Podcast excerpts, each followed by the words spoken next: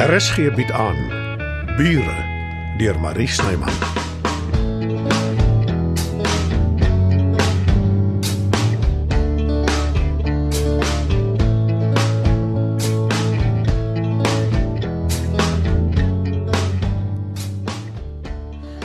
Oh, what a beautiful morning. Oh, what a beautiful day. I've got a beautiful feeling. Everything's going my way. Iemand is in 'n goeie by so vroeg in die môre. Ah, my pa was so lief vir die ou musiekflieks. Gigi singing in the rain en die een is uit Oklahoma. Hy het al die plate gehad en dan speel hy hulle vir my en ek sing en dans lustig saam. So dis waar jou liefde vir musiek vandaan kom. Maar dis eintlik in die gene. My pa kon goed klavier speel en hy het ook gesing, maar maar net in die kerkkoor en by die huis. Wel, jou pa het jou goed geleer. Jou konsert was 'n reuse sukses. Ek het nie geweet daar gaan persmense ook wees nie. Ek moet my nie verkeerd opvat, die prinses, maar dit was nogal dapper van jou om hulle te nooi. Kan ek jou 'n geheim vertel? Mm. Oh, my knieë het maar lekker gebewe. ek was skrikkerig. Ag, jy ken my. Kritiek is iets wat ek ligtelik hanteer nie. Maar die koerante is goed vir my. Mhm. Mm Imelda te water is terug in al haar glorie.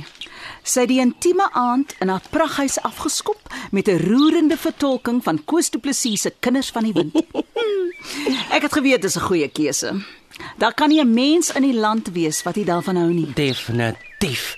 Mm, Hulle raak ook liries oor die Madame Butterfly area waarmee jy afgesluit het. Die pad vorentoe lê oop. En nou die vir ons. Dit was 'n klein gehoor Brendan. Genooide gaste, meeste van hulle mense wat ek ken, in my eie huis. As ek weer op 'n verhoog klim voor 'n saal vol vreemdes, wie weet wat gebeur dan? Jy mag nie so praat nie. Jy mag nie so dink nie. Dankie dat jy bereid was om alles te los om by my te wees. Ag nee, prinses. Jy het nog genoeg dankie gesê. Ek is hier oor dit nooit vervelig is saam met jou nie. Imelda te water? Ag, so waar. Ja? Oh, ja, natuurlik. Oh, dit klink goed. Wanneer? Ag, dis effens kort kennisgewing. Maar hoe Hoekom nie? Dankie. Ek sien ook uit. Vertel dadelik alles. 'n TV-vervaardiger wil 'n program oor my doen. Dis fabelagtig. Hoeveel tyd het ons? Nou, baie min. Hulle kom in die week. Dan moet ons dadelik aan die werk spring. Al jou uitrustings beplan. En die tuin? Ag, oh, ek moet iets aan die tuin doen. Die boom langs Matilda se grensstraat moet gesnoei word. Dit, dit groei te wild. Ek, ek weet nie. Ek hou nogal daarvan. Nee. Ek het 'n pragtige tuinstal in my garage. Ehm, um, ek wil dit daar sit. Dan doen jy dit. O, prinses, dis so opwindend. Ek kan my lag nie hou nie. Wat is dit? Jy is die enigste lewende wese wat weet hoekom ek regtig ophou sing het. En dis hoe dit sal bly. Ek sal nooit uitpraat Ek nie. weet. Maar ek's bevrees Marleen vermoed iets. En jy vertrou haar nie. Sy is daarom familie. Daai een kan ek nog steeds nie mooi klein kry nie. Sy aard dan niks na jou nie. Nou, ek aard weer glad nie na my ma nie. Ek wil nie uit my beerd uitpraat nie, maar Ag, toe maar. Enige een kan dit 'n myl ver sien. Sy kan my nie verduur nie. nee. Dit sal ek nie sê nie. Eerder die teenoorgestelde. Ag nee man. Ag, jy's laf. Ek dink sy bewonder jou. Dis een van die redes hoekom ek so mal is oor jou.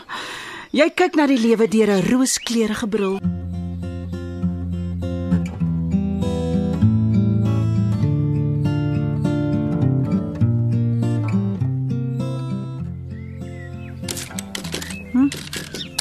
Daar sy. Het hom. As ek net die ou se naam kan onthou. Maar ek is seker ek sal dit herken as ek dit sien.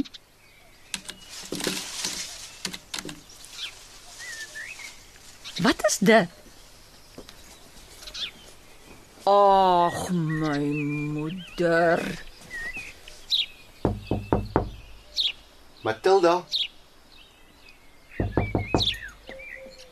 Sis, Wat is dit, Johannes? kan ek inkom? Kan dit nie wag nie.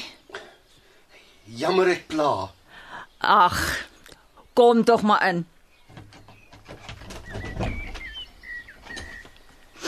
Jy's bedrywig so vroeg. Pens en pootjies op jou bed met die rekenaar.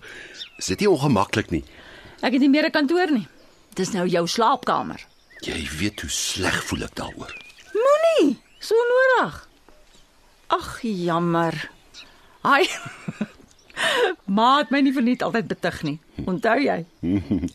Plaas tog 'n wag voor jou mond, Matilda. Lees weer jou psalms en leer by Jakobus. Wie sy tong kan beheer, het ver gevorder. sy is al hoe lank dood en Ah, die kastige wag voor die mond ontwyk my nog steeds. Jy gaan vir my kwaad word, maar ek gaan dit in elk geval sê. Wat van Jurg se kantoor? Wat daarvan? Hoekom gebruik jy dit nie? Pak sy goed weg. En Nee. hoekom skop jy daarteen? Wat is dit ewe skielik met jou en jou gehoekom? Ek het nie 'n kantoor nodig nie. Werk nie meer so baie vir die tydskrif nie. Het jy al enigiets vir hulle geskryf vandat Jurg dood is? Ek kan nie onthou nie. Ek kan. Jy het nie. As dit jou aardig laat voel, ek sal dit vir jou doen. Alles oppak. Daar's ons baie kaste in die garage waar sy kar staan. Wat jy daarom nou so ver gekom het om te wil verkoop. Die kar is iets heeltemal anders. Ek stem nie saam met jou nie. Maar dis nie nou belangrik nie. Ek kan selfs daar gaan bly. Nee, Johannes, beslis nie. Dan is ek op die onderste verdieping en uit jou hare uit. Dink daaroor. Wat maak jy? Jurg was 'n lid van die MG klub. Hy was nogal goed bevriend met een van die ander lede. Ek probeer sy naam onthou. Hy sou my kan help om die kar op hulle webwerf te adverteer. Op die manier skakel ek kansvatters uit. Die heel laaste ding waarvoor ek kans sien is elke Jan Rapp en sy maat wat my bel en my tyd mors. Jy verbaas my elke dag meer en meer. Ek weet nie hoekom nie. Ek sê weer, net omdat ek nie te koop loop met die goed nie, beteken dit nie ek weet niks nie. Dit was veronderstel om 'n kompliment te wees. Jy het iets op die hart gehad. Wat is dit? Oh, miskien moet dit wag vir later. Dis nie nodig nie. Wat wou jy sê? Ek ek kom eintlik 'n beroep op jou doen sis. Wil jy nie maar dinge regmaak met Imelda nie? Waar kom dit nou skielik vandaan? Sy skielik nie. Ek vra jou lankal. Sit so lank die ketel op die stoof, dan kry ek jou net nou op die stoep. Ek is lus vir koffie. Nou ja, ek het probeer. Weereens. Jy besef dit nie, maar dis juist wat ek nodig het. Iemand wat aanhou probeer. Niks is meer dieselfde nie. Dit sal ook nooit weer wees nie. Ek moet dit aanvaar.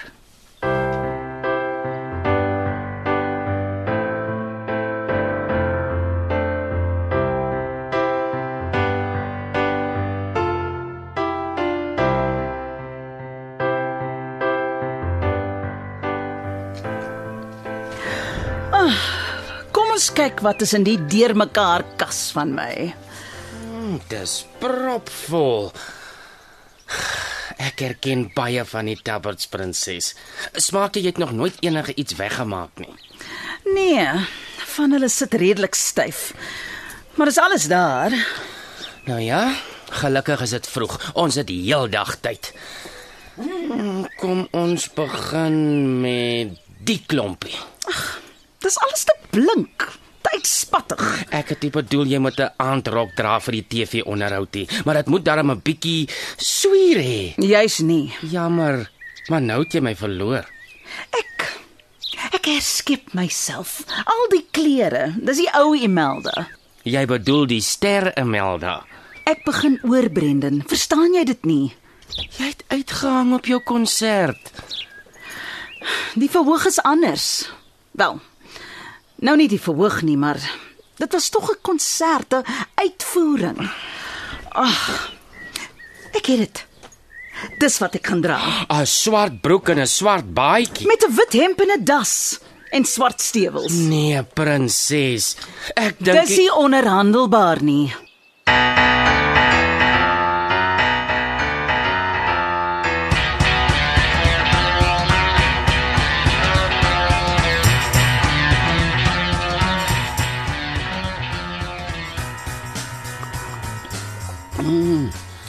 Ek sien niks roer daaronder by ons nuwe buurman nie. Moet liewer nie te gou praat nie. Hy pluk dalk nou-nou weer haas uit die hoed. Hy hou daarvan om jou te verras. Nonsens. Dit het niks met my as persoon uit te waai nie. Ai sis, jy weet mos dis nie waar nie. Vandat die man sy verskyning gemaak het, hy doen alles wat hy kan om jou aandag te kry. Hy doen alles wat hy kan om my lewe te versuur, bedoel jy? Hy wil reaksie kry by jou. Wat hy wil doen is goedkoop behuising oprig vir studente. Klein beknopte kamertjies waarin hy soveel as moontlik van hulle kan inprop en ouers 'n fortuin kan laat betaal daarvoor. Is dit wat hy gesê het? Nee, soveel woorde nie. Met ander woorde, nee. Wat doen almal in ons omgewing? Bou aaklige vierkantige konstruksies met klein venstertjies. Dis soos 'n spul voelhokke wat op mekaar gestapel word en jy weet hoe voel ek oor 'n voel in 'n hok. Jy oordryf. Ek stel voor jy werk jouself nie onnodiglik op voordat jy nie weet wat Albert gaan bou nie. Hy het 'n woonwa hier parkeer. Hy bly daarin. Wat het dit met enigiets uit te waai?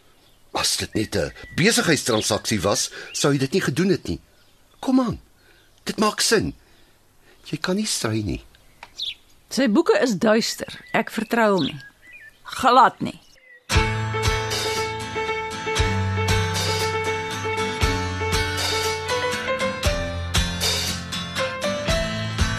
Iets sê my jy klaar besluit gehad om die mannetjiesrige uitrusting aan te trek.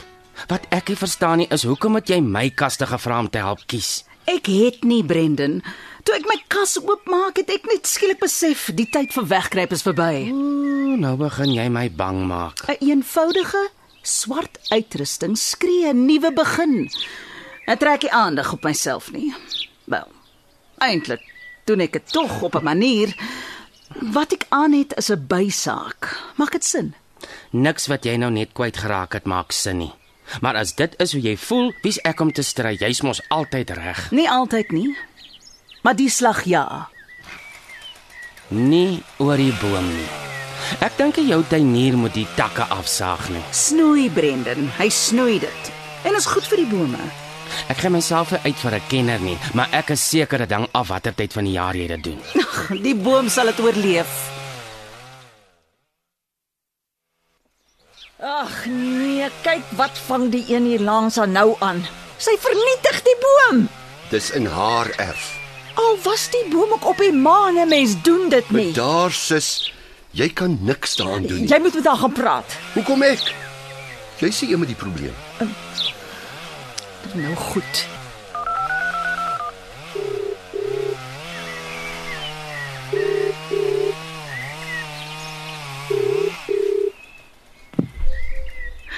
Matilda. Nou toe nou. Waaraan het ek die eer te danke? Jy kan nie die boom se takke afsaag nie. Jy bedoel my boom. En hoekom nogal nie? Bome vat lank om te groei. Veral as die boom tussen my en jou groei. Dit gaan nie daaroor nie. Nou maar vertel dat ek hoor wat jou uiteindelik so ver gekry het om vir my te bel. Daar's 'n nes in die boom. 'n Duif het nes gemaak op een van die takke. Soos ek dit verstaan, kan jy die duwe nie verdra nie. Sy het kleintjies. Ek het vanoggend gesien hoe voer sy hulle. Selfs jy kan nie so hardvogtig wees nie. Jy ookie lyk dit my.